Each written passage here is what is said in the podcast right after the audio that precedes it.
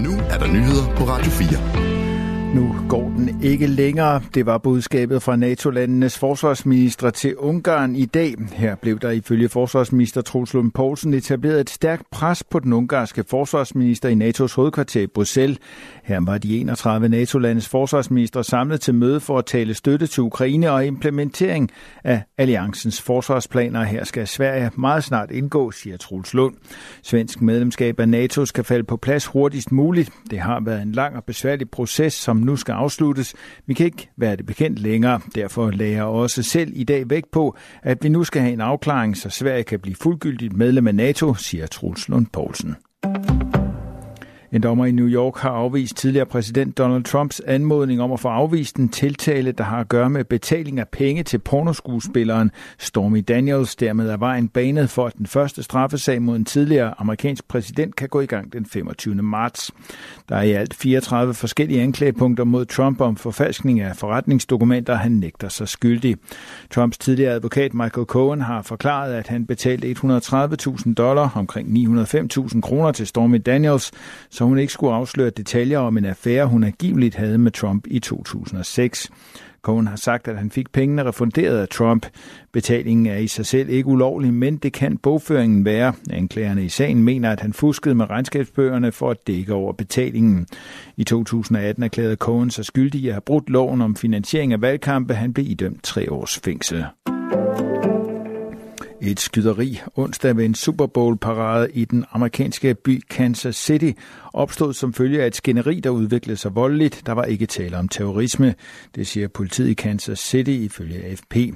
Der er ingen forbindelse til terrorisme eller voldelig ekstremisme. Det ser ud til, at det har været et skænderi mellem adskillige mennesker, som endte med skududveksling, siger politichefen i Kansas City. Han tilføjer, at to af de tre personer, som er anholdt i sagen, er unge.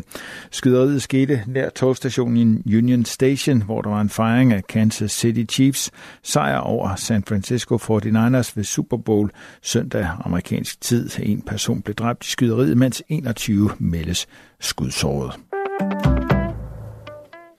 Til april skal Danmarks kvindelige tennislandshold i kamp i Billie Jean Cup – Billie Jean King Cup, og det kan meget vel blive med et meget prominent navn i truppen. Karoline Bosniakke har således meddelt Dansk Tennisforbund, at hun er klar til at spille i de røde og hvide farver, skriver BT. Hendes far, Piotr Wozniacki, fortæller til mediet, at landsholdet er tænkt ind i den tidligere danske verdeneters plan for de kommende måneder.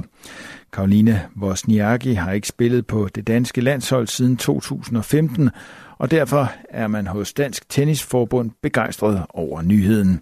Det er en super melding. Vi er meget glade for, at Karoline er kommet tilbage, og vi har altid haft indtrykket af, at hun gerne vil spille for Danmark, siger forbundets sportschef Jens Ankerbus Andersen til BT. Karoline Wozniacki gjorde sidste år comeback på tennisbanerne, efter at hun havde holdt pause i tre og et halvt år. I aften og i nat skyet, diset, stedvis tåget og regn hister her, men ud på natten kan det klare lidt op sydfra. Vi får temperaturer i nat mellem 5 og 10 grader og svag til frisk vind omkring syd. I morgen fredag en overgang mulighed for lidt sol, især østpå, ellers mest skyde, stedvis diset med regn og byer hister her. Temperaturer mellem 7 og 12 grader og let til frisk vind fra syd og sydvest. Det var nyhederne på Radio 4 i studiet Thomas Sand.